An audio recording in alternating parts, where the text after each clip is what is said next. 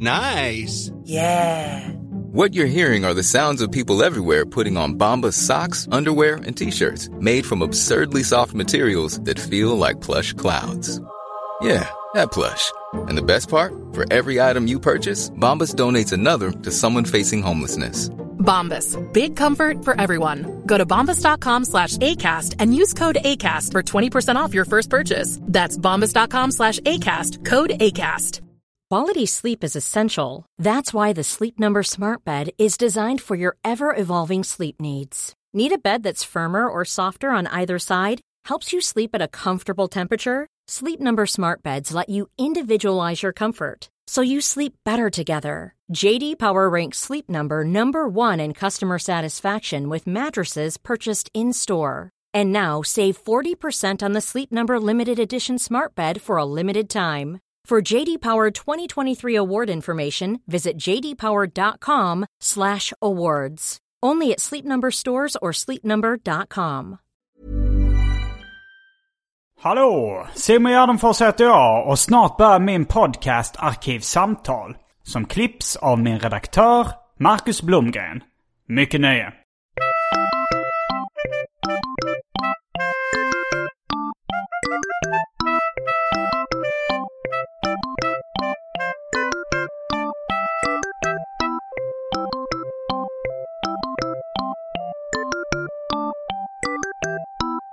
Hej och välkomna till Arkivsamtal. Jag heter Simon Gärdenfors och eh, inte mitt emot mig men eh, en eh, bit bort sitter eh, K. Svensson. Ja, hej Simon, hej. Välkommen till Arkivsamtal. Tack så hemskt mycket. Det är, det är lite tråkig vana att vi alltid får göra det på länk nu för tiden, men... Nej, du har väl varit i min nya lägenhet? Ja, eh, jag har varit i en. En gång har jag varit där, Ehm. just det. Det var väldigt eh, fint och trevligt att få. Men nu är vi på länk för att mina barn är sjuka då. Mm. Gud, man Ehm. hör hur det låter. Det låter så jävla tråkigt att vara en sån. Som Att vara en sån... eh, ja, men det, det kommer väl med uppgiften, antar jag. Ja, ja, ja. Det hade varit Men det konstigare så ifall det var här- den som aldrig hade ett sjukt barn. Du har tre barn, inget Ja, jag vet. Men det är vissa, vad ska man säga, det är vissa delar av att ha barn som är så himla oromantiska på det sättet. Man, man skulle vilja att de, ja men så här vabba till exempel. Ja, ja. Det känns som, man vet att så här, Kafka aldrig vabbade. Det är liksom Jag ingen av bara, hans jag, idoler jag har bara läst en och en halv del av Knausgård. Men jag gissar på att han kan få det romantiskt att vabba. Att han liksom svävar ut i någon poetisk utläggning om vård av sjukt barn. Men just, det var ett tag sedan jag läste Knausgård, men Mm. visst, det är andra boken som framförallt handlar om att eh, ha barn. Väl? Där skulle Ja, jag säga att det är väldigt oromantiskt beskrivet. Det är väldigt mycket så här att han storhandlar på 7-Eleven och barnen bara skriker och han liksom försöker skala en clementin. Det kändes ganska vabbig, hans bok. Ja. eh, jo, det, men, men, jag, men jag får ändå liksom ett romantiskt skimmer över hela... Alltså lite för romantiskt. Alltså all, allting tycker jag är lite högtravande i hans eh, liksom approach. Ja, jag önskar att böcker... Ja, men jag tillhör de som tycker att han kunde taggat ner på språket lite. Ja, det tycker lite jag också. mer effektivt. Ja, men eh, han kanske kunde ha skrivit hälften så tjock- tjocka böcker, eller hälften så många böcker. Mm, har du läst alla sex eller vad det är? Ja, jag gav faktiskt upp någonstans i sista boken. Okej, är du liksom- halkar på absolut. mållinjen liksom. Det, Ja, eh, jag tappade suget någonstans där. eh, ja, men som Eh, OCD-patient ja, skulle jag aldrig ge upp vid sista boken. Att det är så himla störigt att man läst nästan allt. Ja, men jag hade nog, jag, det pikade nog för mig någonstans i mitten av serien. Tredje, Ja, ja. fjärde boken där någonstans. Mm. Och sen så tyckte jag det, ah, nu, nu kan jag det här Knausgård. Jag har inte Ja. blivit sugen på att läsa hans andra böcker efteråt. Nej, speciellt inte Direkt. om de inte är uttalat självbiografiska. Då känns det som att man liksom eh, man, man får sänkt lön på något sätt helt plötsligt. Ja, lite kanske. Som läsare. Lite. Uh, så okej, Ja. nu får jag läsa om hans riktiga liv. Ska jag då Ja, men jag har nog nästan hans- gått igenom en... Ja, precis. Hans spännande fantasier. Fast du kanske inte är lika mycket självbiokramare som jag är. Nej, det är inte lika mycket tror jag inte. Men det är någon gång har man, har man börjat läsa någon som självbiografisk författare så kanske man Mm. kommer sakna den. Ex, det gör ändå en extra kicker är det ju att allt är sant. Ja, Det, det är det ju. Ja, men För jag kollade på uh, den här Steve Coogan-filmen om Helan och halvan i natt. Och den, där tänkte jag... där Alltså jag den biopicen eller? Ja, precis. Som handlar om deras sista tid liksom. Ja, men den såg jag på bio. Eh, mm, ganska bra tyckte jag den var. Men, Mm. men jag, jag, det som brann kvar var ju liksom den här lusten att gå och kolla så här, men stämde det här och var det här, liksom, var det verkligen så på riktigt? Mm, mm. Då, där tror jag det var, den hade jag inte alls uppskattat om det inte var en based on a true story. Nej. Eh, nej, jag, jag, jag är väldigt inne på det. Och ehm, det kanske är lite, om man ska göra någon slags segway så var det... Du, vi pratade eh, lite om... För ett par avsnitt sedan så eh, gjorde jag en intervju med Love Lenn som gjorde en självbiografisk debutroman. Och jag kommer inte ihåg, du kommenterade det och så skrev du till mig så här, vi kanske också skulle prata om våra tidiga verk. Eller vad vi gjorde när vi Ja. var unga. Ja, min första, det var innan jag visste att du skulle intervjua Love, så föreslog jag att du och jag skulle prata om Loves bok. Men Mm, mm. det blir lite kaka på kaka om du redan pratat med Love om det. Men då, ja, precis, då, då växte tanken fram att vi skulle göra, prata om tidiga verk. Mm. För, det- ja, Ehm, för det är ju och det, Loves ja, men det låter som ett, ett kul tema. Mm. Risk för, det finns, både du och jag har väl saker som man eh, tycker är pinsamma och sånt där. Vi får väl eh, saxa oss runt det. men det, men... eh, ja, fast de riktigt tidiga grejerna är inte så pinsamma. Alltså, om, om, om man, jag, jag funderar på var man ska börja någonstans. Alltså, de tidigaste verken man gör är väl förmodligen teckningar. Ja, det kan ju finnas. Jag börjar också skissa upp lite och det, någonstans får man ju dra. Ehm, Man får, jag, jag tänkte en rimlig gräns är kanske att dra när man gör saker som inte är helt självklart att alla barn gör. Nej, och jag tänkte också en gräns finns vid eh, när, när, när man publicerar sig. Alltså när man... Ja, Eh, eller gör det alltså- publikt på något sätt. Ja. Jag gör det publikt på något Alltså sätt. publicera sig är ju också att sätta upp en teckning på väggen i skolan. Men Ja, det är det Men- ju. men och den någon ut till... eh, eh, Men eh, ja, och sätta upp den på kylskåpet eh, när man är up and coming genom familjen. Där är det lite... ja. ja, men jag tycker sunda förnuftet kan också hjälpa till att dra gränsen. Den Ja. behöver inte vara helt logisk. Nej. Jag tror vi, vi kommer förstå vad vi menar. Jag Ja, men jag det tänkte- första liksom, som jag, jag, det första jag gjorde som, eh, där, liksom, där jag räknade var när jag liksom ändå använde en kopiator. Eh, Ja. Då var det jag och min kompis Viktor Arve som kopierade upp tidningen eh, Snörvel Comics. Ett seriefanzin då. Vi visste inte att det hette seriefanzin. Ja. Men vi ville göra vår egen serietidning och, och så här, lånade föräldrarnas kopiatorer på deras arbetsplatser. Liksom. Ja, ja, ja. Och gjorde kanske 20 ex eller något sånt där. Som vi sålde i klassen. Men Det- jag, det- Ja, men det, det, det, det tycker jag du kan ta upp till exempel. Mm, mm. Det är ju någonting. Det är Eh, men jag tänkte själv dra fram till jag fyller 25, för då börjar jag med st- stand-up och då, från jag är 25 så gör jag Ja. ungefär samma sak som jag gör idag. Liksom. Man skulle också kunna ha inramningen Eh, som eh, The Streets, Mike Skinner. eh, gjorde en låt som hette When I Wasn't Famous. Ja, just det. Eh, det är väl ganska bra, ja. Mm. Det Jag tycker det, väl det är en väldigt, det är en Eh, titel också som uh, på samma sätt som vi pratade om Den i, i Love avsnittet så här att, att det är någonting som direkt väcker intresse så här, hur jag förlorade oskulden. Och Before Ja, I was famous. Jag tycker också det, det, det liksom väcker verkligen ett intresse direkt. Jag vill verkligen veta om Mike Skinners liv innan han var känd. Man tänker ju genast att det här, en självbiografisk berättelse ur Mike Skinners liv, skulle vara mer Mm. intressant. Man vill mer höra om eh, When I wasn't famous. Ja. Än, Det finns ju den här eh, podden Hundåren också.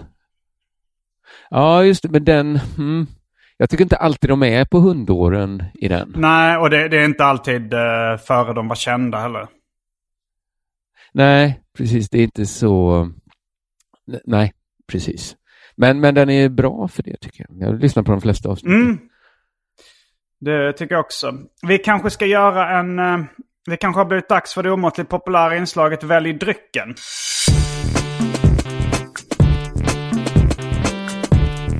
Jag tror vi börjar med det fasta inslaget Välj drycken!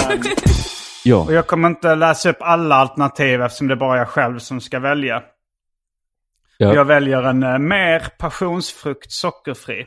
En, eh, något av en personlig favorit.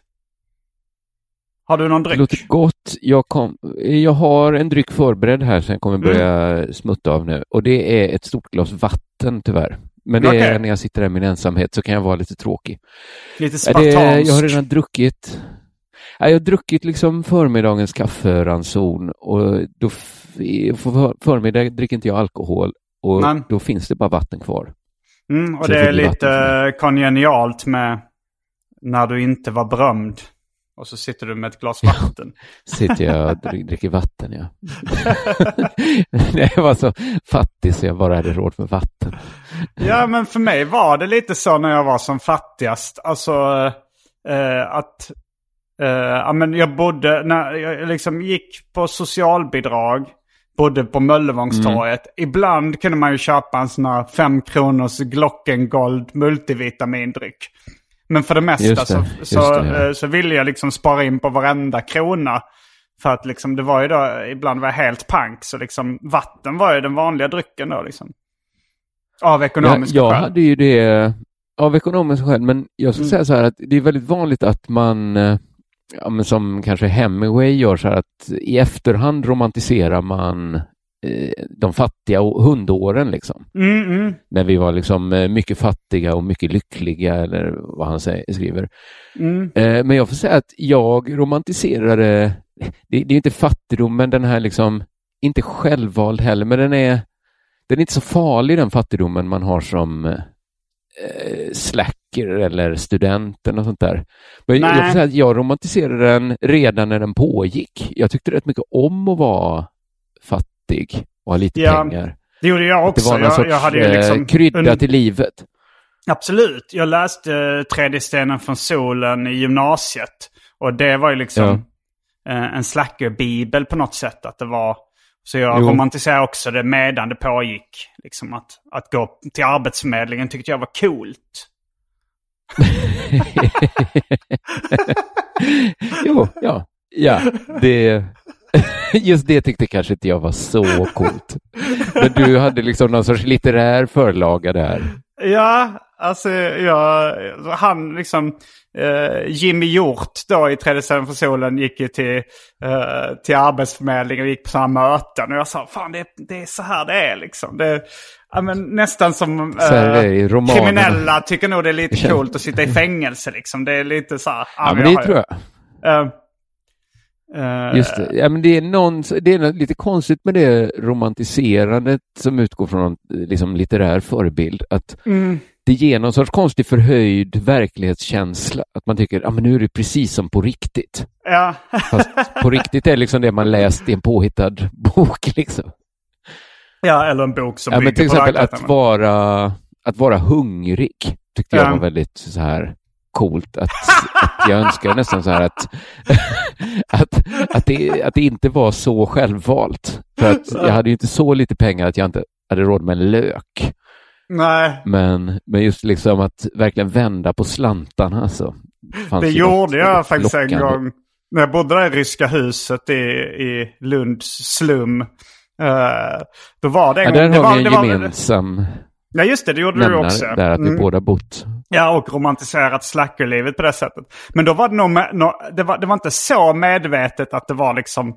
Jag gick in för det torftiga. Utan det var någon gång jag hade eh, ätit så här liksom väldigt lök som var väldigt kokt mjukt kanske hos mina föräldrar eller något sånt där. Och tyckte fan det är ju svingott med liksom kokt lök med bara salt på liksom. Eh, och så, så någon gång så kokte jag då en hel gul lök i en gryta tills den blev helt mjuk. och, eh, och liksom eh, la den på en tallrik och åt den med salt och kniv och gaffel. och då... Ja, det är verkligen så kalanka firar jul. jag, tror, jag tror jag har sett det i någon gammal kalanka film där de ska vara fattiga. Och de Visst, skär har liksom en lök här- väldigt tunn, tunt. eh, Eller något liknande. Jag, jag, jag kommer ihåg att jag tyckte det så gott ut då. Att jag ville testa det. Jag tror att just Kalle Anka har behandlat det en fattig jul flera Mm. gånger.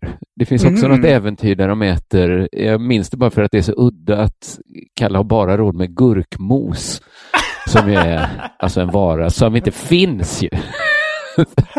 Vad skulle det liksom vara gurkmos? Och Han köpte liksom färdig gurkmos. gurk. Alltså.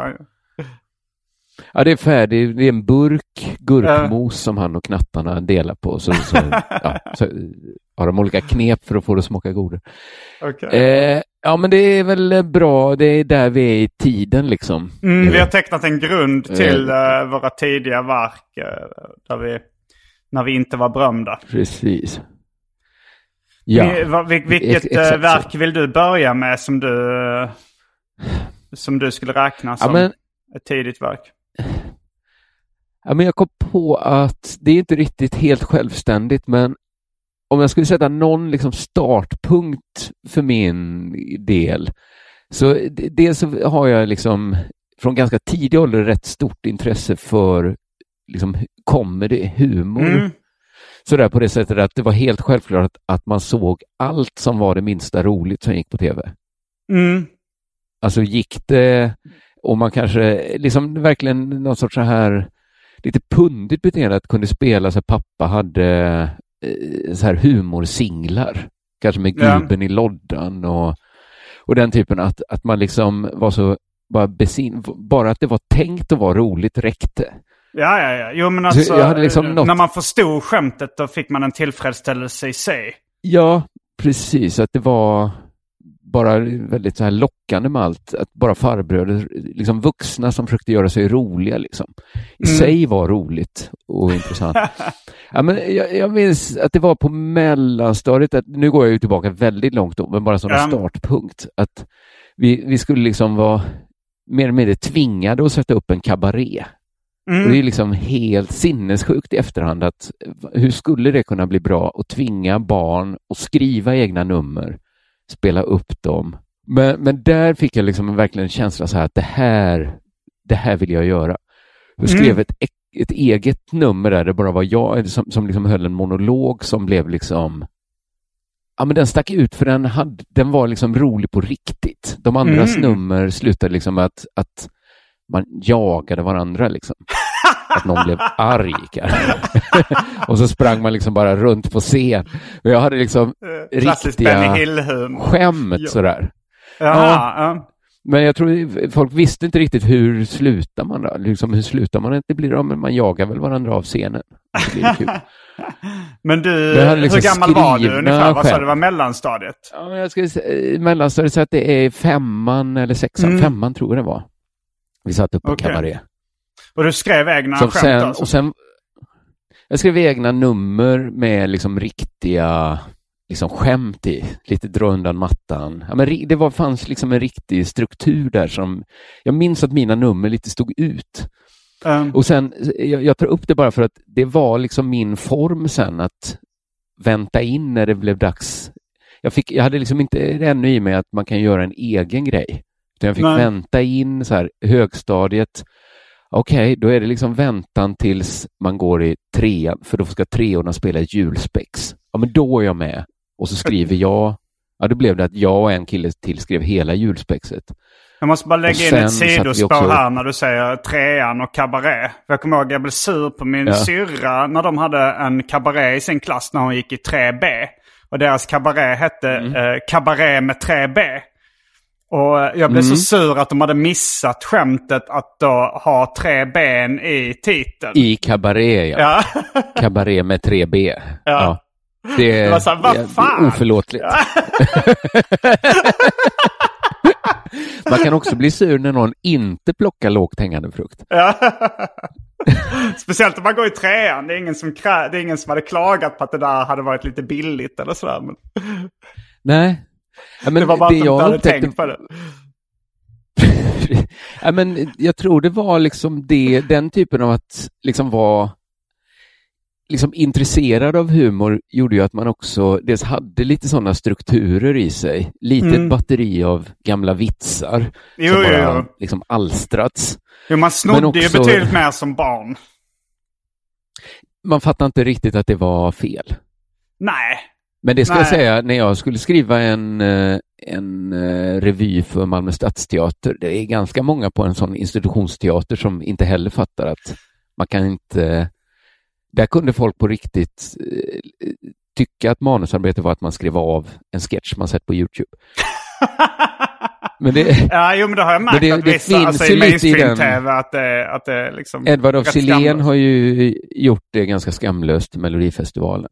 Bara skriva av att det är Ja. liksom lite den barn-approachen. Nej, Mm. men det- det jag märkte då var att det, det var ju inte, eftersom man själv ändå var överintresserad av humor och hade liksom mer av det liksom batteriet och strukturerna i sig, var ganska lätt och stå ut där som den som var duktig på det. Ja, ja men det I- märkte i jag också att jag var när jag liksom var i- gjorde så sketcher i klassen eller sådär. Och att det var så här, oj, fan vad de skrattar åt det här. Det gjorde Ja. de inte åt någon annans uppträdande. Nej, eh, det får man ju, det, det hade jag också. Jag hade ju väldigt mycket uppträdande på klassens timme. Mm. Det var egentligen min, ganska mycket utvecklades det till min timme, där jag kom i olika kostymer, liksom ombytt och klar. Men, men för, för det är det andra. Det var en rolig bild. Så upp i huvudet. ja, ja, men jag kunde verkligen expandera det också, att hela den, för min del handlar ju hela fredagen om det uppträdandet. Så jag Mm. var ju liksom gärna in character hela den dagen. och liksom gick utklädd. Ja, men, men det, för det, det var det jag märkte ganska tidigt också att det var inte så att det var slagsmål om att få, sk få skriva de här sketcherna till julspexet eller påskspexet som vi gjorde sen. Utan jag märkte att folk blev jätteglada när man, och kanske en, ja, jag hade en kompis som hette Per, vi tog på oss liksom, vi skulle kunna skriva allt föreslog vi. Mm. Vi tyckte liksom nu var vi lite fräcka sådär som, som, som krävde så mycket. Men folk blev bara glada. Det Mm. var ju ingen som ville sitta och, och knacka ut liksom 70 sidor text i den åldern. Nej. Där, ja, men då är vi kanske på högstadiet när det är så mycket. Men hade du, höll du på mycket med humor tidigt?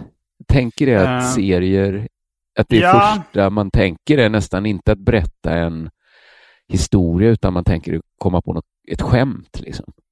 Jo, absolut. Jag, jag, eh, jag gillade, gillade, alltså roliga historier kanske var den första formen av humor som jag upptäckte. Eh, och Ja, min, min storebrorsa sa så att du har alltid samlat på humor. Att jag memorerar liksom roliga historier och, och, och vitsar och, och Ja. roliga sägningar och sånt där gjorde jag liksom redan som barn.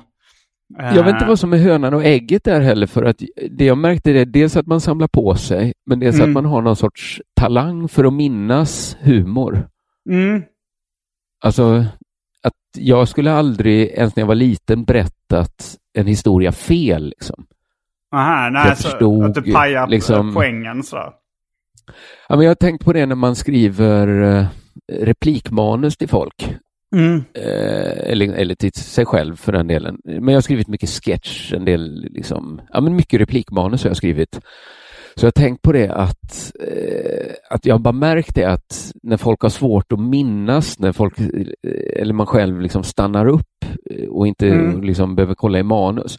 Oftast beror det på att det är liksom lite felskrivet.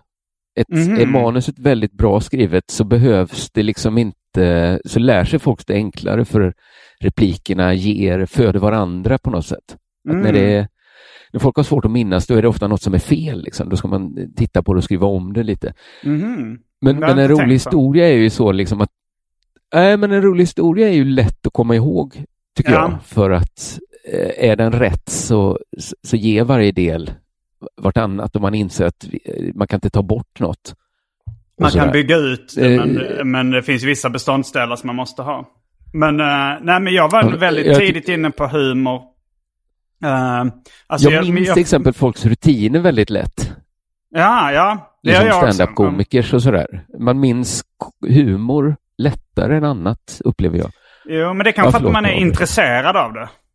Alltså, alltså Ja, man... ja. eh, Men jag hörde något så här radioprogram, eh, något amerikanskt radioprogram om eh, humor där de liksom för, försökte analysera det, eh, analysera det vetenskapligt. Och då snackade de också om det att eh, komiker, eh, eh, att det var vanligt det att de liksom kunde memorera väldigt mycket, kom ihåg roliga historier och humor och sånt där. Liksom.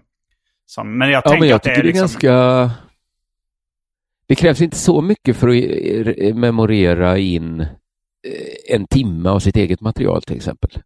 Nej, Alltså, det är det, konstigt. det är hyfsat svårt, men, men ändå oväntat lätt tycker jag det är att minnas en timmes text när det är ens egen comedy. Ja, verkligen. Det är en av de grejerna som folk brukar bli mest imponerade av. Hur kan du komma ihåg allt det där? Ja, och det, jag har hört att det är det skådespelare tycker ju det är det, den sämsta frågan man kan få. Mm, mm. Att det är så, de tycker det är så billigt liksom. Att, ja, men det är bara tekniker och sådär. Men, men jag tycker det är lite intressant faktiskt varför Ja. det är så lätt att komma ihåg humor. Eh, för, för mig i alla fall. Ja, jo. Ja, men, eh, jag, har, jag, jag kan ha svårt att komma ihåg ordningen på skämten. Mm, Men kommer jag jo. väl in i skämtet så är det ingen risk att jag glömmer särskilt mycket. Nej. Men Nej, så däremot är det liksom vilken mig också.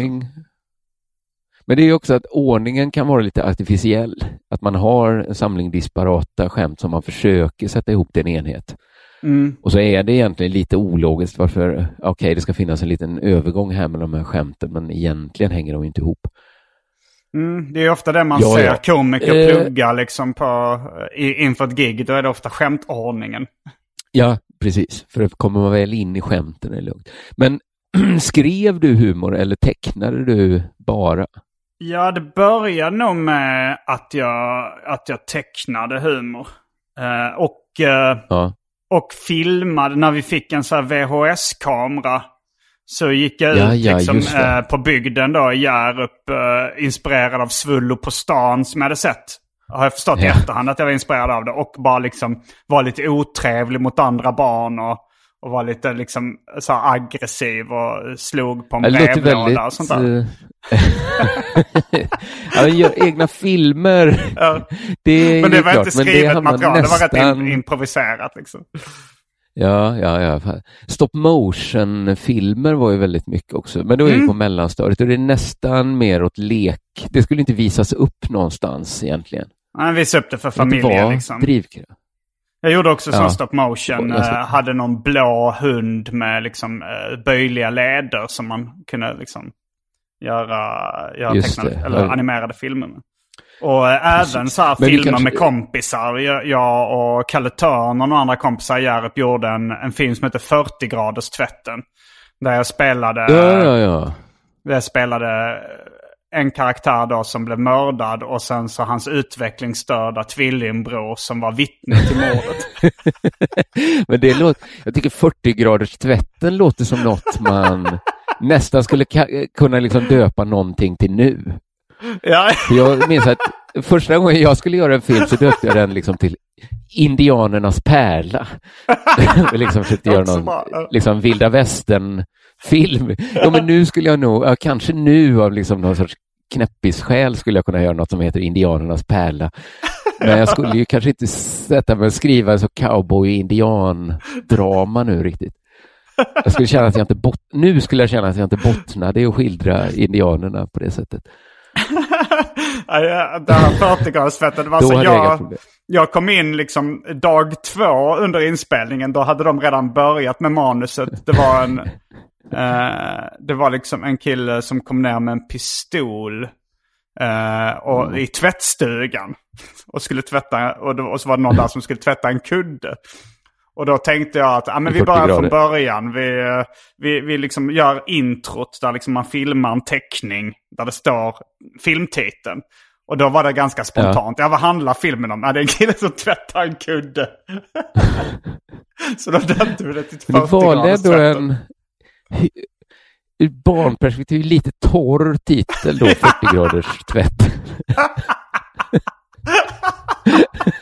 Men det låter ju väldigt mycket som en eh, sån här novellfilm som skulle kunna gå på SVT.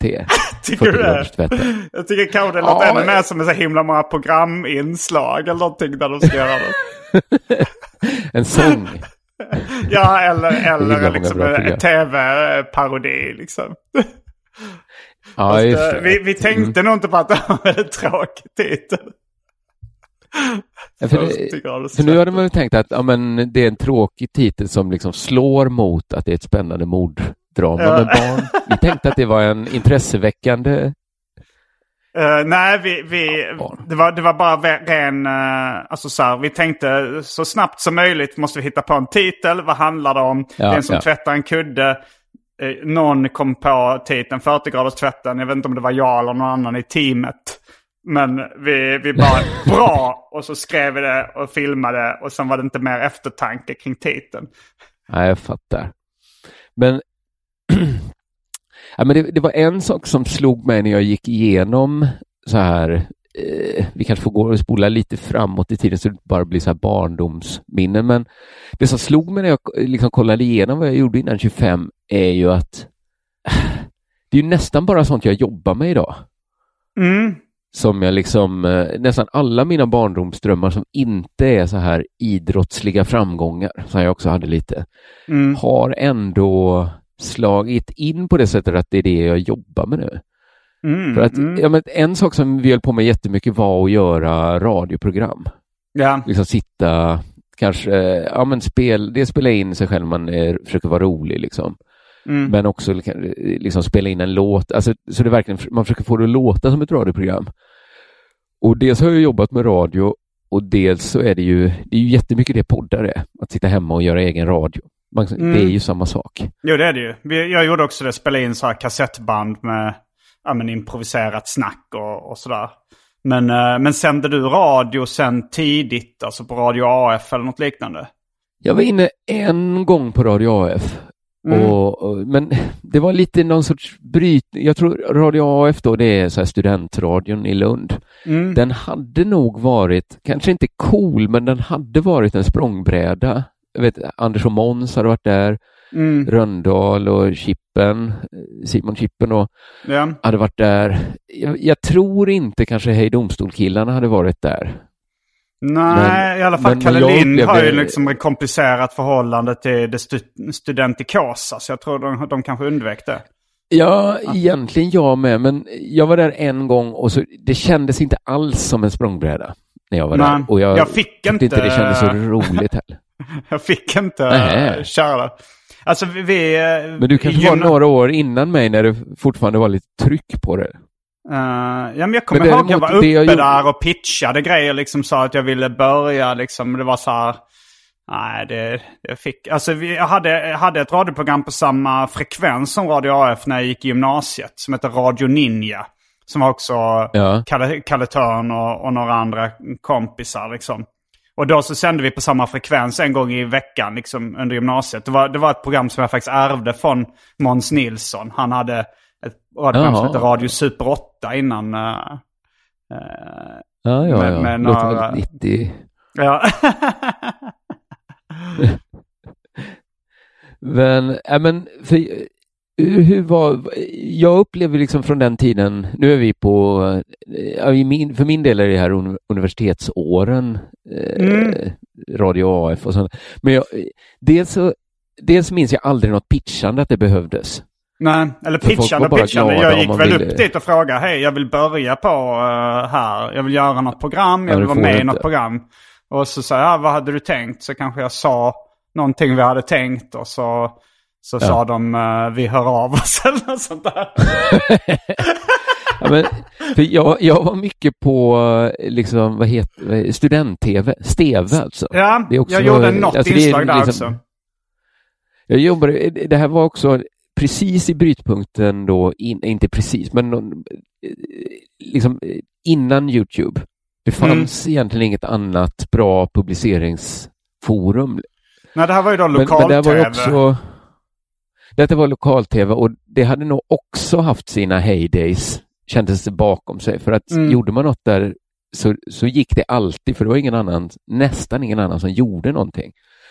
Men samtidigt så gick det ut till alla hushåll i Lund och så här slappa studenter som kollar på tv hela Mm. tiden. Min upplevelse var att alla i Lund såg på student-tv, Ja, någon gång kanske. Men- Um, trots att det var ganska dåligt. mm, det var det ju. Men det, det som var grejen var att jag, liksom lusten och viljan alltså efter så här högstadiet så, så var jag liksom lite för cool ett tag för att hålla på med humor. Jag skulle aldrig själv så här pitchat in att ja, jag drömmer verkligen om att få göra ett sketchprogram för student-tv i Lund. Men däremot Nej. hade jag kompisar då, min kompis August Bering som alltid liksom drog med mig både till Radio AF och student-tv. Mm. Så vi, alltså i alla fall i ja, men över fem år höll vi på med sådana grejer. Mm. Göra, göra program för, ja, ihop då. Och var det sketcher då? Eller var det... I regel sketcher, men det, det hölls liksom ihop. För student-tv hade vi ett program som hette Soffloss som var, det var musikvideos, det var sketcher, det var liksom, eh, ja, det- så var det ett ramprogram också då där vi satt i en soffa, så här Wayne's World Mm. Style och, och bara pratade rakt in i kameran. Ganska vloggigt egentligen. Mm. Men Öppna kanalen, Eh, fanns det, det i kom- Skåne också? Eller vad? För jag, det, jag associerar Öppna kanalen med Stockholm och eh, jag vet inte vad det var i- för lokal-tv i Skåne. Men hette det Öppna kanalen? Ja, det fanns ju i Malmö, finns Öppna kanalen säkert fortfarande. Okej. Och där var det, där de har ju, det är mycket så här religiösa organisationer. Jag tror att affärsidén är där att, men att de här kyrkorna betalar för att visas. Men det var så, Mm, det var några år där det var så fruktansvärt dålig tittning på Öppna kanalen. Det skulle Mm. kunna vara alla år Öppna kanalen funnits. Men så vi hade någon deal att, ingen drömdeal för oss, men vi fick göra vad vi ville, hur mycket vi ville och vi behövde inte betala för att det sändes ut. Nej, Men å andra sidan Mm. fick vi inget betalt heller. Det var extremt fria händer, men också ganska, får jag säga så här, låg ambitionsnivå från vår sida. Mm. Om vi verkligen, verkligen hade velat. Men jag tror det var också, det var inte riktigt min dröm, utan jag var liksom med när, när August kom med förslag. Sa jag, ja men visst, det kan vi göra. Vi kan spela in en kortfilm, vi kan göra en sketch, vi kan göra ett litet program här. Men det var liksom inte min, jag brann inte riktigt för det. Vilken var din första dröm liksom som du realiserade? Jag tror Alltså att det egen. var, jag skulle säga att det var när jag fick jobb på radion. Mhm. Men då hade Tror du gjort stand-up var- innan dess väl? Ja, men det var liksom aldrig, där tyckte jag inte drömmen, jag hade nog inte haft en dröm att börja med stand-up. Jag hade inte riktigt tänkt, stand-up tror jag kändes för sinnessjukt att hålla på med. Mm, Så att när jag mm. började med stand-up så var ju, då var ju kanske drömmen att kunna leva på det eller bli riktigt, riktigt bra. Jag upplevde Just ju det, du hade själv läst som- en intervju med Johan Glans om hur mycket pengar han drog in på stand-up och tänkte okej, det kanske Precis. jag också kan. Mm. jag, jag insåg liksom att även, man behöver inte ens bli bäst här. Tänk om man...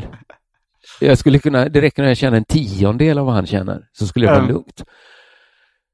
Eh, precis, att det, det kändes som det fanns en bra chans, men drömmen var inte att börja. Jag tror lite för mig var det nog också kopplat till att lyckas. Liksom. Alltså drömmen är ju inte Radiogrejen, eller? att skriva en... Ja men, eh, ja, men man drömmer ju inte om att skriva en roman. Man drömmer Nej. väl om att få en roman utgiven liksom. Jag tror det dröjde fram till jag var 20, vad är det, 26, 27 eller något när jag började på radio. Så jag kände att ja, men nu har det ändå slagit in någonting. Mm. Det, det, så var det nog ändå. Och, och för dig, antar jag att det är kopplat till serierna eller? Eh, alltså med, med, med, när jag slog igenom eller Drö- vad tänkte du på? När drömmen slog igenom? ja Ja, men det när, kom drömmen, nog när du kände att där, nu lever jag eh, drömmen. Ja, men det kom någon gång där också runt... eh, eh, ja, men när jag började bli lite känd. Det var liksom lite i samma veva med båda serierna och musiken då. Att jag släppte eh, min debutroman, uh, serieroman då, Turist. För då blev jag intervjuad i lite tidningar, liksom så Aftonbladet och eh, ja, men det stod om det. Och, och sen samtidigt då så hade vi släppt lite Las Palmas eh, låtar på kassett. Som också, alltså Ja. runt, när, när jag var kanske mellan 23 och 25 hände det här kanske. Eller något sånt. Just det. Och, eh, och de, de fick någon slags viral spridning, de här liksom Las Palmas-låtarna. Så då kom jag ihåg att oj, nu, nu börjar jag få lite fans liksom. Jag Ja, hade blivit det. publicerad innan, alltså redan som, som 16-åring hade jag blivit publicerad i Kamratposten som serietecknare. Och vi började, jag tecknade serier i Python och sådär liksom efter David Liljemarks manus och gav ut fanzine och sådär. Med DJ Röv, den, den, jag och Kalle Törn då gick i gymnasiet när vi började med den. Och David Liljemark gick på universitetet. Eh, så han, han var en Ja, fem år du hade inte, oss. det är inte riktigt samma ökenvandring för dig, nej. Du Nej, hade ändå lite eh, så här Ja. hållpunkter av uppskattning. För säga första gången jag fick något var- publicerat var jag 16 då, eller 17 kanske. Alltså när jag fick en serie publicerad. Men då, då blev man ju inte känd, eller så här igenkänd. Nej, det, det var ju liksom, det, då fick man ju Ja, mest det ändå skryta sorts- själv. Så här, jag har tecknat den här, jag fick betalt för det liksom. Då var det lite coolt. ja, det, men, ja, lite coolt ja. Och det hade nog lugnat mig lite för att jag hade lite panik över att det aldrig hände någonting. ja, Att det var att du ändå... famlar i mörkret mer. Det famlade i mörkret och jag, lite, jag tror att hade jag inte kommit igång med stand-upen och kommit in i den världen och liksom kommit in på radion, jag hade nog till slut, hoppas jag nästan, givit upp. För att om det är, om man säger från sena tonåren Mm. och till ja, men 26-27, det är nästan tio år ökenvandring utan, utan minsta spår av uppskattning. Liksom Mm. aldrig ett ja till något. ja, men verk, ja, var var inte ens dina försökt- kompisar eller något sånt som tyckte det var bra liksom? Eller de läste kanske inte dina grejer? Nej, Vad var det du gjorde då? Var det kompisar- noveller eller uh, romanförsök? Nej, jag var skrev, eh, det spelade jag i band rätt. Eh, ja, men det var ju en väldigt, eh, både viktigt för mig och ambitiöst försök. Liksom.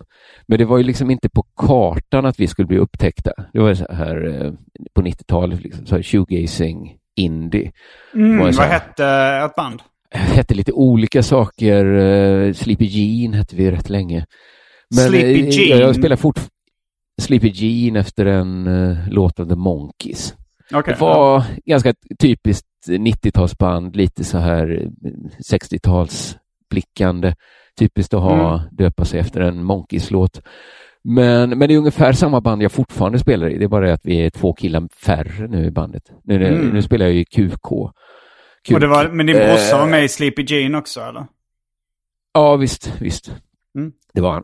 Så vi har Jag var också, spelade också i band i gymnasiet eh, ganska kort. Jag fick sparken från bandet eh, efter ganska kort tid. Jag var rappare då i bandet Time. Det var inte jag, jag var Ja. inte med och startade bandet utan jag halkade Nej. in på ett bananskal lite. Och halkade ut Men du har, ungefär lika snabbt. jag får säga, du har ganska stor konsekvens även i Before You Were Famous. Mm. Alltså att det Att är det ändå serier, rap. Det är väl att stand-up har tillkommit senare för din del? Mm. Jo det är det ju. Och sen poddar och, och sådär. Och jag, Ja, jag, gjorde, det. jag gjorde ju någon form av sitcom också i- med 40 graders tvätten.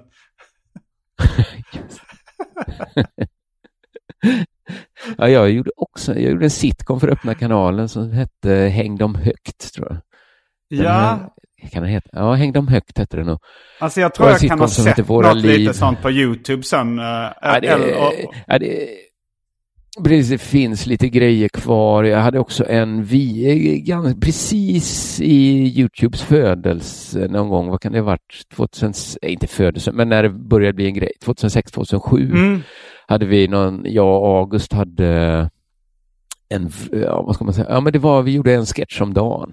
Oj, jävlar. På, ja, det var, rätt, det var ambitiöst och där, där Mm. hade vi nog börjat hoppas på att något skulle hända. Tyvärr så, vi fattar liksom inte att vi, vi ville ha ett namn som folk skulle reagera på och lägga på minnet. Så vi Jag tror jag vet liksom vad det här är på talet väg. ja, jag har sagt det förut. Ja, men vi kallar det för negerchock. Och, och det blev också en chock att halva ensemblen hoppade av och ville inte, för det var ett lite större gäng från början. Men Och de då var det inte, så, sig. det var inte så eh, stigmatiserat det ordet då. Alltså jag tänkte inte att, jag tänkte att det kunde bli en sak som folk reagerade på. Inte en Ja. sak som man blev bannad från liksom. Och det, det var inte så, jag minns att det var en tidning som skrev om oss som skrev så här, säga vad man vill men nyfiken blir man. Det var, liksom inte, det var inte alls så här, vad är det här? Varför kallar ni det en negerchock? Och den var också så här illustrerad hemsidan med så här gamla ja, men bilder av svarta barn från någon sån Rasistiska här lärobok. stereotyper? Eller? Uh, Eh, nej. verkligen så här Pickenanny-figurer. Svältbarn liksom. Nej, men mer så eh, kanske någon gamla svart liten rasistiska- pojke som sitter i en badbalja och försöker skrubba sig ren. Den typen av eh, älskvärd rasism från det gamla Sverige. Eh, Ja, men det tog också mig ganska lång tid att fatta det här att eh, den här typen av eh, chockhumor, att det inte var riktigt alla som uppskattade det, eller att inte det var mainstream liksom. Man borde ju fattat så här att ja, men jag vill att det ska öppna en dörr, att folk Ja. liksom reagerar på chocken. Men jag tänkte Mm. inte ens att det är ju det är ju någon sorts, inte kanske nollsummespel, men det kommer ju också stänga dörrar och jobba med chockhumor. Det, det, Ja. hade, det kom lite som en överraskning för mig. Ja, jag tror också jag bara men ignorerade jag att- liksom. Det faktumet att det stängde dörrar. För jag kommer ihåg folk sa till mig så här, eh, men när jag sökte så här praktikplats på eh, någon reklambyrå i Malmö. Så då Ja. visade jag upp mina liksom snuskiga serier från Python. Och, eh, och folk, vissa som jag kände var så här, men det, varför visar du upp det här? Ja, men det är väl Ja. kul. Det är så här, men det kommer ju... Ja, Lite aningslöst Ja, och verkligen. dumt beteende. Men- Nice. Yeah! What you're hearing are the sounds of people everywhere putting on Bombas socks, underwear, and t-shirts made from absurdly soft materials that feel like plush clouds. Yeah, that plush. And the best part? For every item you purchase, Bombas donates another to someone facing homelessness. Bombas. Big comfort for everyone. Go to bombas.com slash ACAST and use code ACAST for 20% off your first purchase. That's bombas.com slash ACAST. Code ACAST. Quality sleep is essential. That's why the Sleep Number Smart Bed is designed for your ever evolving sleep needs. Need a bed that's firmer or softer on either side? Helps you sleep at a comfortable temperature? Sleep Number Smart Beds let you individualize your comfort so you sleep better together. JD Power ranks Sleep Number number 1 in customer satisfaction with mattresses purchased in-store. And now save 40% on the Sleep Number limited edition Smart Bed for a limited time. For JD Power 2023 award information, visit jdpower.com/awards. Only at Sleep Number stores or sleepnumber.com. Millions of people have lost weight with personalized plans from Noom, like Evan, who can't stand salads and still lost 50 pounds. Salads, generally, for most people, are the easy button, right? For me, that wasn't an option. I never really was a salad guy. That's just not who I am. But Noom worked for me. Get your personalized plan today at Noom.com. Real Noom user compensated to provide their story. In four weeks, the typical Noom user can expect to lose one to two pounds per week. Individual results may vary. Ja, Och men till slut fick får jag väl en praktikplats att- kanske trots det, snarare på grund av det. Liksom.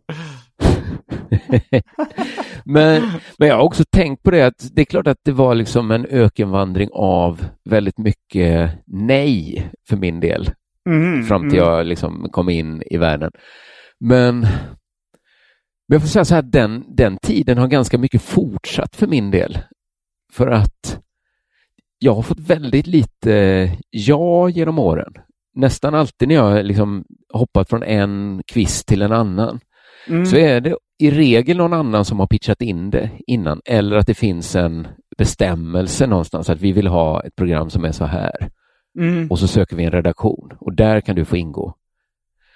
För Ja. att alla mina försök att liksom pitcha in något, eg, något helt eget, det går aldrig. Och, och, och sen efter 2015 då, nu är vi liksom inte liksom när jag eh, liksom utslängd från allt. Det, det har inte blivit lättare då. För ibland, min fru kan säga så här, måste du alltid liksom bara hålla på och sitta på din kant och göra saker själv? Kan du inte eh, höra av dig till SVT? liksom, eller något sånt Mm. där. Du borde kanske ta kontakt med ett produktionsbolag eller ett förlag eller något sånt där. Men saken är att jag får alltid nej. Men jag tror det är så Alltså, för alla alltid. egentligen. Alltså, om du inte är Ja, typ de- Henrik Dorsin eller något sånt där. Så, alltså, du, du Ja, måste vara på vara den så, ja. extremt höga nivån. För, för annars är det nästan så att, produ- eh, att liksom, tv-kanalerna själva har en idé. Uh, Alltså de internt och så söker de folk till det. Eller så har produktionsbolagen. Det är, det är ofta svårt även för produktionsbolagen. Men jag vet knappt något exempel uh, när det är liksom komiker som inte är på en, den, den högsta nivån liksom inom Nej. kändisskap som har fått in någonting. Jag vet inte om, om uh, Dillan och Moa tv-serien kanske var en sån grej de bara pitchade och fick in. Men då, men då gissar jag på att det redan var så här att eh, SVT sökte, vi behöver någon humorserie gjord av tjejer. Och så liksom sökte de runt lite. Vad har vi för Skulle någonting? kunna vara så ja. Nej, men det, det är väldigt svårt. Ja. Det är kanske svårt Mm. för alla. Jag tror så det. är det kanske. Ja. ja. Men det är ändå påfallande. Men du har till exempel fått ja på så här eh, seriemanus då. Tecknade serier? Ja. Ja, alltså jag tror Alltså, det TV kan ha varit mitt en grej. första för... eh, Eller med, med en tv-serie, eller vad snackar de om? eh? Ja, men, eh, ja, men, att få, en, men att, att få en serie utgiven är ju också ett ja. Ja, Alltså, jag har ju men det var ju väldigt utgivna. svårt också. Då, jag var ju tvungen att liksom bevisa mig själv först. Alltså när jag skulle få en bok utgiven då, min första roman Turist. För då gjorde Mm. jag, jag gjorde klart den. eh, skickade in den till alla liksom serieförlag som fanns då. Om det var liksom Optimal och Press och Galago eller Tago eller Kartago eller vad de Ja, nu ja. hette på den tiden. Och liksom alla, jag skickade den till alla förlag plus lite bokförlag för det fanns. Jag tänkte de kan även ge ut serier om de vill. Men liksom fick Ja. nej från alla. Det måste ju vara Eh. extra tungt med serieroman, ja. Eh, För det tar sån lång tid. Eller det är så mycket jobb också. jo, jag hade väl liksom tecknat på den i ett och ett halvt år eller något sånt. Ja, Eh, eller två år eller någonting. Men, eh, men då fick jag nej från alla. Och, eh, och sen till slut tänkte jag, ja men då får jag väl ge ut den själv. Eh, Ja. och, och då så, så kontaktade jag, alltså jag visste ju att då Fredrik Jonsson och, och några där hade Lystring förlag. Eh, ja just det. och, men, men de var inte så aktiva just då. Och, och jag, jag jobbade på Egmont då, så jag hade ändå liksom... Jag, och jag visste att så här, nej, de kommer inte finansiera det här. Det var ett gäng vanliga killar. Liksom. De kommer inte riskera 20 000 som då tryckningen kostade. Av liksom t- av eh, 2000 pocketböcker. Ja, ja. Eh, så, så jag skrev till Fredrik Jonsson så här, eh, ja men ifall jag själv finansierar och marknadsför det här, kan ni då ge ut det på ert förlag liksom? Dels så slipper jag, jag tänkte väl så här, dels så slipper jag lite loser-stämpeln, att det är utgivet på eget förlag. och dels så slipper jag lite jobb. Liksom, de hade ett lager där de kunde ha böckerna. De hade liksom ett registrerat förlag eh, för förlagssystem och bibliotekstjänst och sånt där. Eh, Så jag, jag, det var lite fördelar på det även om jag fick liksom finansiera det och marknadsföra det själv. Och, och så gjorde det. jag det liksom och, och gjorde insäljningen själv till liksom distributörer och höll på liksom och jobbade med det. Och start, gjorde en releasefest och sådär. Men sen sålde den bra liksom. Den sålde 1000 ex ganska snabbt. Och, Ja. eh, och när eh, Mats Jonsson då började jobba på, eh, ja men, eh, jag tror Galago köptes av Ordfront och sådär. Då kunde man mer peka på det så här, ja men Simons förra bok sålde liksom, har, har snart sålt 2000 bara på egen hand. Då var det lite lättare och, att de skulle ta den ekonomiska det. risken och ge ut det. Just det. Det är sant. Men det... Så det var ju Ja, rätt jag- mycket jag- nej liksom där också. Ja, ja, jag fattar. Jag fattar. Ja, men för jag upplever att det har alltid gått mycket enklare för mig när jag har gått ihop med någon. När jag har varit så här med Valle Westesson har det gått att pitcha in och skriva så här för Malmö Stadsteater. När jag har varit med Kalle Lind har det inte varit några problem att få en bok utgiven. Jag tror alla böcker jag har skrivit som kommit ut på riktiga förlag har jag skrivit ihop med någon. Mm. Och alla böcker jag skrivit själv har jag fått ge ut själv. Liksom. Men har du försökt, eh, har du skickat in mycket böcker eh, till etablerade förlag eh, som du har skrivit När jag var själv? yngre gjorde jag det väldigt mycket. Eh, men alltid nej. Och aldrig någon sur min från, från mig, utan det var bara okej. Nej, själv, Mm. det var så himla normalt att de sa nej. Mm. Så det bara, oh ja, okej, kavla upp armarna, skriv en till bok. Ja, och men så, så- är det nog liksom när man är okänd eh, ny författare. Då är det ju rätt naturligt att bli refuserad, ska jag gissa på. Ja, och lite tror jag jag hade på känn då att, eh, att, det, att, att, det var, att det inte riktigt höll heller. Mm. Så att det var nog lite så här bara, ja, det var kanske lite skönt nästan att, att det inte gavs ut. jag tänkte den här känslan, vad har jag gjort? Nu ska vi liksom Ja, ha en hög Gud, marknadsföringsbudget. Och så, så är det så, oj, nu ska det här ut till offentligheten. Men, ja, men nu kan jag nästan vara lite så här, ja, men nu har jag ställt om så mycket och tänker aldrig att det måste säljas in någon gång innan. Nej. Att, eh, att så fort jag vill göra något så gör jag det själv istället. Mm. Eller med liksom underproduktion då, mitt och Simons. Ja, men vi har ju lite liknande situation där att vi mer eller mindre medvetet har straffat ut oss själva eh, från ganska många etablerade sammanhang. Och, och då tvingas man göra mycket själv. Och resultatet blir ju också att man får kanske en större frihet, att man inte behöver anpassa sig lika mycket. Ja, men så, så är det ju definitivt. Men det, det är mest det att jag vet inte hur mycket det är att göra liksom, vad heter det, dygd av nöden. Mm. Eh, och hur mycket det är, för jag vet inte, det, hade ju på något sätt hade det också varit kul att bli så här upplockad, få lite hjälp någon gång. Ja. Men jag har, bara, jag har bara märkt att det, det kommer nog aldrig bli så, känner jag. och framförallt inte nu. Nej, jag, nej. ibland kan jag bli väldigt förvånad. Eh, jag tyckte ju, jag upplevde ju så här när jag skrev eh, mina böcker som jag läste i, som ljudbok, att eh, alltså, ja, Harmony Studies kan man väl kalla dem, Mm. eller Sinfonia. D- där upplevde jag ändå att det var men lite av en succé ändå kände nog jag. Jag hade nog inte gjort något innan så jag bara kände betag så i, i, i de som lyssnade på det och Mm. folk verkade gilla det mycket mer än andra grejer jag gjort. Mm. Liksom gillade det på, på djupet på ett sätt och det sålde rätt bra och folk köpte liksom merch Hur många ex serien. eh, sålde du av dem? Nu har, jag, nu har jag tappat kollen, men det är några tusen liksom Mm. av eh, ja, gånger tre då, för det är tre rätt tjocka Ja. böcker. Mm. Men plus eh, liksom kringförsäljning med lite konst och lite affischer och, och sådär grejer. Så, Mm. så, så tyckte jag ändå det, det fanns liksom så lite siffror att skriva ut. Jag, jag tror jag hade säkert Ja, men jag tror jag hade eh, liksom i alla fall en miljon lyssningar sammanlagt på de här avsnitten. Mm. Tänkte, det måste väl ändå vara någonting i reda pengar. Så här. Nu, nu ska jag höra av mig till lite agenturer och lite förlag och så där och se om någon vill hjälpa till att ta det till nä nästa nivå. Tänkte, Mm. Det här kan väl inte vara det vanliga att någon kommer in med en liten succé. Nej.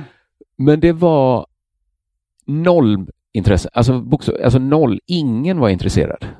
Och, och av kanske, jag skickade kanske till tio ställen. Ja. Och det var, jag ska säga faktiskt, För jag trodde att du liksom- direkt själv eh, bestämde dig för att ge ut Sinfonia. Jo, jo, det, kanske låg mig i fatet att jag redan hade gett ut det, men det fanns liksom... Du hade redan gett ut det som liksom- böcker då eller? Jag hade redan gett ut som böcker, men jag tänkte liksom eh, om någon vill ta det... Det finns ju en gräns för hur mycket man kan göra själv. Jaha, Att jag något- menar något- att eh, okej, de ska plocka upp det så att det hamnar liksom på Pocket Shop och... Ja, exakt, exakt. Eller kanske översätter det, tar det liksom till nästa mm. nivå. Jag tänkte liksom, här Mm. finns ju liksom ändå en liksom materiell grund jag kan visa. Kolla här, ni kan, ni kan läsa texten, den kanske till och med har en kvalitet ni kan uppskatta.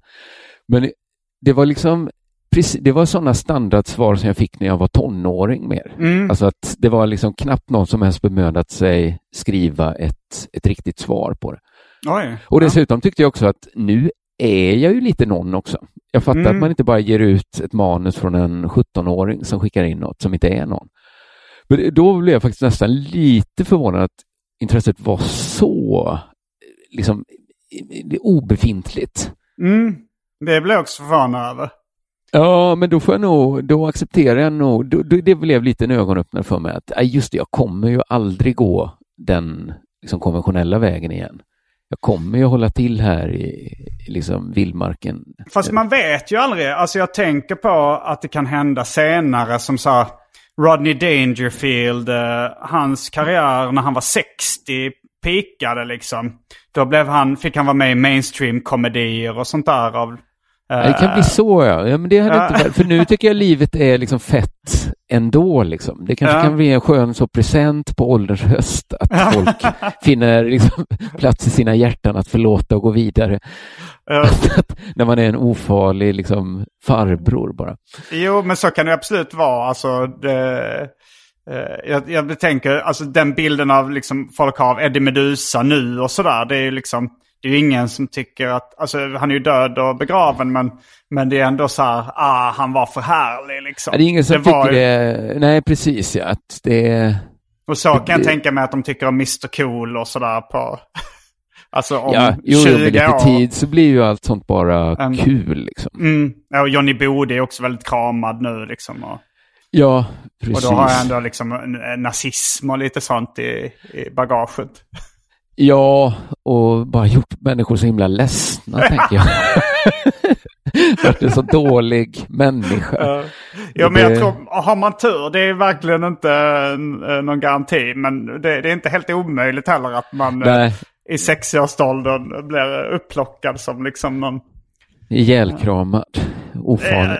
Ja, Ja, men det- så här, att man kanske får göra lite kul grejer. Eller som så här, att Sven Melander har ju en, eh, liksom, nu har han aldrig blivit cancellad på något sätt. Eller liksom att, men jag menar, han är ändå en sån som plockas upp till lite olika kul grejer. Liksom, även på Ja, ja.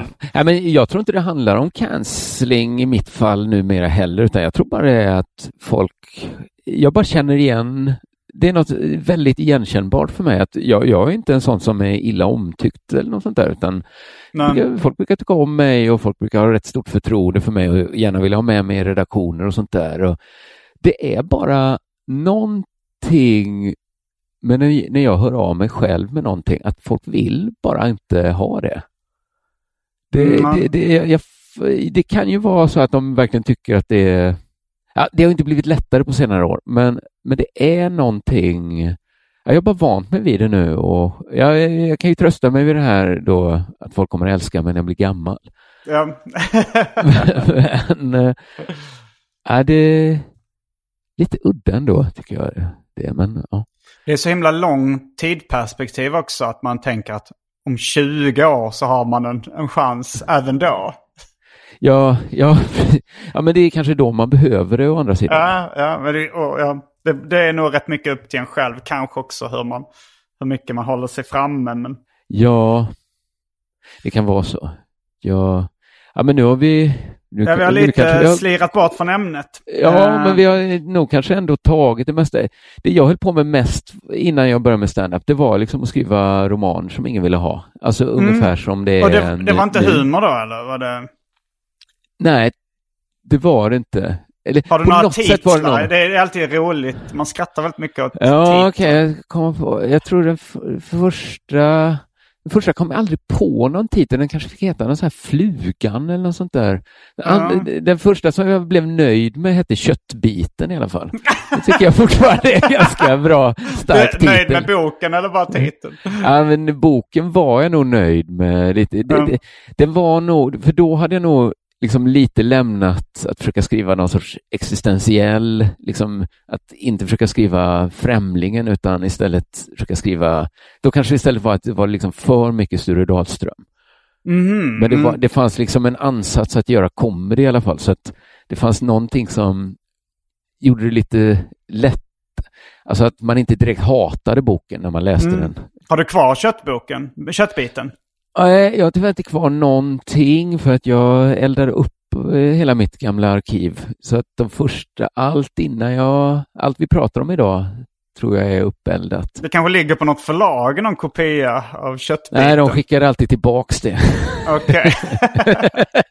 Så de var beredda att betala lite extra porto för att verkligen visa. Men jag tror att det var så, det här var ju ändå 20 år sedan, att ja, det var dyrt fanns- med utskrifter. Ja, precis. Det fanns det här, folk skickade säkert in fortfarande skrivmaskinsutskrifter och sånt där. Mm, just det. Mm. Sådär. Och det var också lite bökigt att skriva ut 200 sidor då. Ja, verkligen. Eller kopiera liksom. Ja. Så det, ja, jag hade väldiga problem för att jag hade så gammal dator så jag körde bara, den hade inget USB-minne så jag var alltid tvungen sen att hitta ställen som hade så här diskettenhet. Mm, ja. Det var ett tag när det var, ja men det, det fanns något bibliotek i Malmö som jag kunde åka till och skriva ut. Vad handlade köttbiten om? Eh, det handlade om En köttbit? Nå, ja, men det handlar, jag har återanvänt den idén till en berättelse i Sinfonia 2. Ja, men det handlar Mm. om en som, det uppstår något så här märkligt, eh, eh, förhållandet. Det, det började i en sann historia att jag en morgon när jag drack kaffe så hittade jag, så låg det, det måste varit en så här dåligt urdiskad kopp. Mm. Att det låg en så här, på botten av kaffekoppen så låg det en, en så här broskig köttbit. liksom. Så jag fick i munnen. Så jag sen liksom, det var, det var hemma hos mina föräldrar som jag av någon anledning liksom la på ett fat. Mhm. För jag, liksom, jag fattade inte vad det var, så, så låg den där liksom och torkade. Ja. Och så skrev jag en bok om en, en man som var med om samma sak, hittade en köttbit i sitt kaffe. Mm. Men när liksom köttbiten torkar så blir han liksom också väldigt så här torr. Det Okej. finns något så här eh, samband mellan han och köttbiten, att skinnet över ryggen liksom torkar och spricker på. Ja. Om han inte liksom... Det finns bara ett sätt att hålla liksom fut, köttbiten liksom fuktig och blank och det är liksom att ägna sig åt total driftsutlevnad. Att hela tiden göra det man vill och inte neka sig någonting. Okej, så han kunde inte bara fukta köttbiten rent fysiskt? Nej, precis. Då det, det gick inte. Då, då var han fortfarande torr själv. Liksom. Okej. Så att, och där själv... kom liksom de här liksom väldigt vidlyftiga Sture Dahlström liksom partierna. Med, Mm, där det är och- liksom, ja men är ju driftsutlevnad som inte blir så otäck utan den är ju ändå liksom mest komisk liksom. Ehm, När Fitz, Fitzestral våldtar olika dansöser i Paris och sådär. Då tänker man ju inte på övergreppet utan man tänker på att han dansar tills de liksom med dem och, och, och liksom har samlag mot dem, eh, mot deras vilja.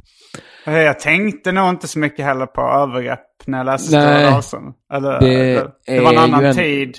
Både när de var skrivna tid. och när man läste dem. Och det var inte det som var tanken heller. I, det var inte. Sture Dahlströms tanke att gestalta ett övergrepp. Man, man hade ju en mer välvillig eh, inställning. Ehm, Då, eller ja, eller man hade den inställningen. Man tänkte en helt rimlig inställning hade man. Det var inte hans tanke. Men sen märkte jag eh, eh, så här tjejer och som man presenterar Sture Dahlström för kunde bli ganska upprörda ändå.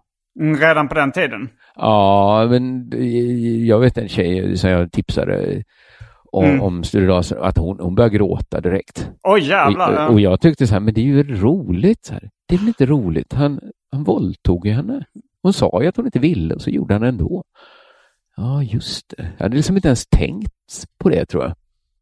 Nej, jag tänkte nog inte heller på det. Och, och sen tänkte jag väl också att eh, ja, om det är ett övergrepp, om han går över gränsen här så är det ju liksom en fiktiv berättelse. Att det är, Ja, ja Det är precis. på Det är ingen, det är inget föredöme så. så nej, och han skrev inte självbiografiskt heller. Eh, alltid. Nej. Nej, framförallt det är inte det han är känd för. Nej, men jag tänkte faktiskt på eh, något liknande häromdagen. Jag var på eh, en serie, en butik för begagnade serier, Serieslussen här med Andrea, min flickvän då. Och så, så hittade jag eh, några gamla Edika-album. Ja. Och, eh, och, och eh, Andrea är rätt inne på serier och så nu också. Så jag sa, fan det här är något av det roligaste jag läst i hela mitt liv liksom. Ja, ja. Eh, och så bara öppnade jag och visade dem och tänkte det här ser ju rätt fruktansvärt ut. ja. Hon Ja. behövde inte säga någonting direkt bara sådär. Hon sa något i stil med, jag tror kanske min pappa skulle uppskatta det här. Liksom. Det var så, det var så, det var så riktig gubbahumor liksom. Ja. ja, det är lite plågsamt. Men det kan vara plågsamt åt andra hållet också att lyssna på så här gammal musik jag gi- gillade. Så här Ja. britpop och sånt där. Att ganska ofta låter så jävla löjligt nu. Eller Mm. framförallt så här gammal 60-talspop kan ju verkligen låta som alltså, barnmusik. Att det är åt andra hållet liksom, att det inte är tillräckligt rått. Mm. Att man Ja, jag lite... har ju ganska nyligen börjat lyssna på liksom doo-wop och alltså sån här 50-talspop och sånt där som låter som, som eh, lite, ja men det, det är väldigt lättillgängligt och lite barnsligt liksom. Det är Men, lite eh, barnsligt. Så det är motsatsen till en riktigt rå serie då. Eller gubbahumor i det fallet. Ja, man, är lite o... man minns lite fel ibland. Uh, nej men läste du Edika som, som ung? Nej, jag vet knappt vad det är. Eller jag vet det- inte vad det är. Ja, det, det var en fransk serietecknare som uh, hette Edouard Caralli eller något liknande. Men som gick detta hade signat i, upp- Pox, Det gick i uh, Pox, Brök, Python och uh, Pox specialalbum. Och liksom, Gick det i Horst? Schröder. Ja, se, Ja, ja, ja. Sent om sidor gick det i Python. Det var ja. väldigt fult tecknat. eh, Men alltså jag, jag, jag, läste, jag, lä, jag, jag själv uppskattade det fortfarande. Jag, jag gapskrattar när jag läser det. Liksom. Jag, ska, Ja, ja. jag ska låna ut något, något Edika-album till dig. Ja, för det är inte Eh, han mannen med de stora kalsongerna. Det är inte... Nej, det är Razer. Men det Det är, är lite Razer, ja. från samma era. Ja, Men, ja. eh, men Edika är väldigt flippig. Det känns som improvisationshumor också. Att han skriver det medan han tecknar. Man tänker det här manuset kan han inte ha planerat. Alltså det är för, det är för tramsigt och för babbligt liksom. Det, men det känns verkligen som att han hittar på efterhand. Men lyckas med det. Ja, det, det är svinkul. Ja, ja, vi ser fram emot att läsa. Men eh, vi kanske ska avsluta. Du hade inte riktigt tid att spela in ett uh, Nej, Patreon-avsnitt. men- tyvärr, jag måste ta hand om mina barn, annars hade jag Mm. efter mycket om och men gått med på att det kan jag gärna göra. Ja, jag tänkte nog att eh, jag spelar in ett, uh, ett uh, så soloavsnitt då. Det har vi gjort ibland i Arkivsamtals historia. Där jag sitter och babblar skämt, själv. Där jag Ja. liksom kanske går in på djupet på lite mer av mina tidiga verk. Det tycker jag låter spännande. Jag uppskattade ju när du hade ont i, ont i röven avsnittet tyckte jag var väldigt bra. Ja, jag har gjort några sådana här. eh, Eller det är nog bara, det är nog det enda hela soloavsnittet jag har gjort. Just det. Ja, men det tycker jag låter eh, toppen. Jag gillar ju ensampodd också. Det är bara Mm. att det är så jävla mycket jobb med det. Är det det? Det var bara Jag- man klipper det så. Ja, men också jag måste förbereda mig mycket mer till en ensampodd. Mm. Och man måste ju nästan skriva dubbelt så mycket. Även jag har ju poddar som är förberedda och manusbundna. Men då skriver Ja. i alla fall någon annan den andra halvan om man skojar lite och sådär. Just det. Det, men du kanske är bättre på att bara prata fritt ur hjärtat. Mm, jag kan låta käften gå. Ja, som en lammröv.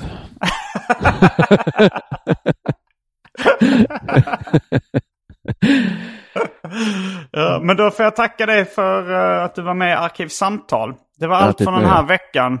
Varje vecka så släpper jag numera ett bonusavsnitt av Arkivsamtal som är exklusivt endast för Patreons av podden. Om du donerar en valfri summa per avsnitt så ligger det över 25 exklusiva avsnitt och väntar redan. Som du får tillgång till. Så det är klart värt det. Om du bara vill stötta den här podden så kan du också swisha en slant till 0760 72 47 28. Det kan behövas, för det är ganska osäkert hur det blir med gig framöver. Den här informationen finns även i avsnittsbeskrivningen. En sak till. Glöm inte att följa mig på Instagram. Där heter jag atgardenfors. Jag heter Simon Gärdenfors. Jag heter K. Svensson. Fullbordat samtal.